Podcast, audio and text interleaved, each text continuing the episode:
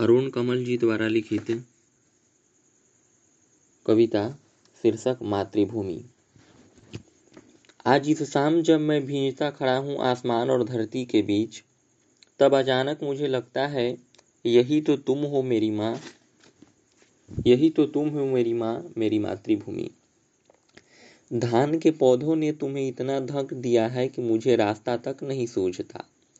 और मैं मेले में खोए बच्चे सा दौड़ता ही तुम्हारी ओर। जैसे वह समुद्र, जो दौड़ता आ रहा है, छाती के सारे बटन खोले, हाहाता।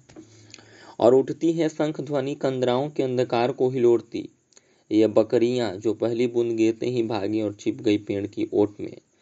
सिंधु घाटी का वह साढ़ चौड़े पट्टे वाला जो भींगे जा रहा है, पूरी सड़क छेके। ये मजदूर, जो सेक, सोख रहे हैं बारिश मिट्टी के ढेले की तरह। घर के आँगन में जो जो नवोड़ा भींगती नाचती और काले पंखों के नीचे कौओं के सफ़ेद रोए तक भींगते और इलायची के छोटे छोटे दाने इतने प्यारे से गुत्थम गुत्था ये सब तुम ही तो हो।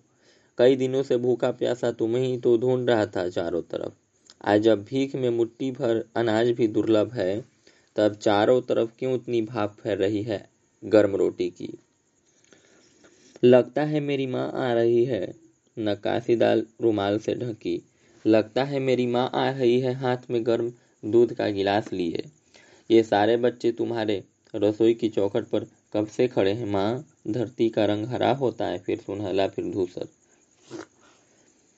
छपरों से इतना धुआँ उठता है और गिर जाता है।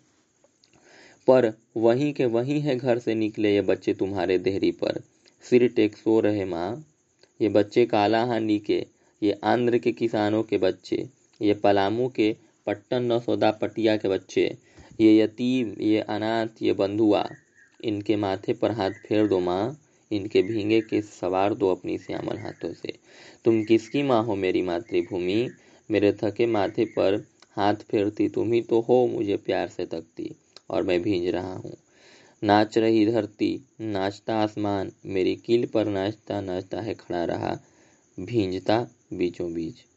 आज इस शाम जब मैं भींजता खड़ा हूँ आसमान और धरती के बीच, तब अचानक मुझे लगता है, यही तो तुम हो यही तो तुम हो मेरी माँ, मेरी मातृभूमि।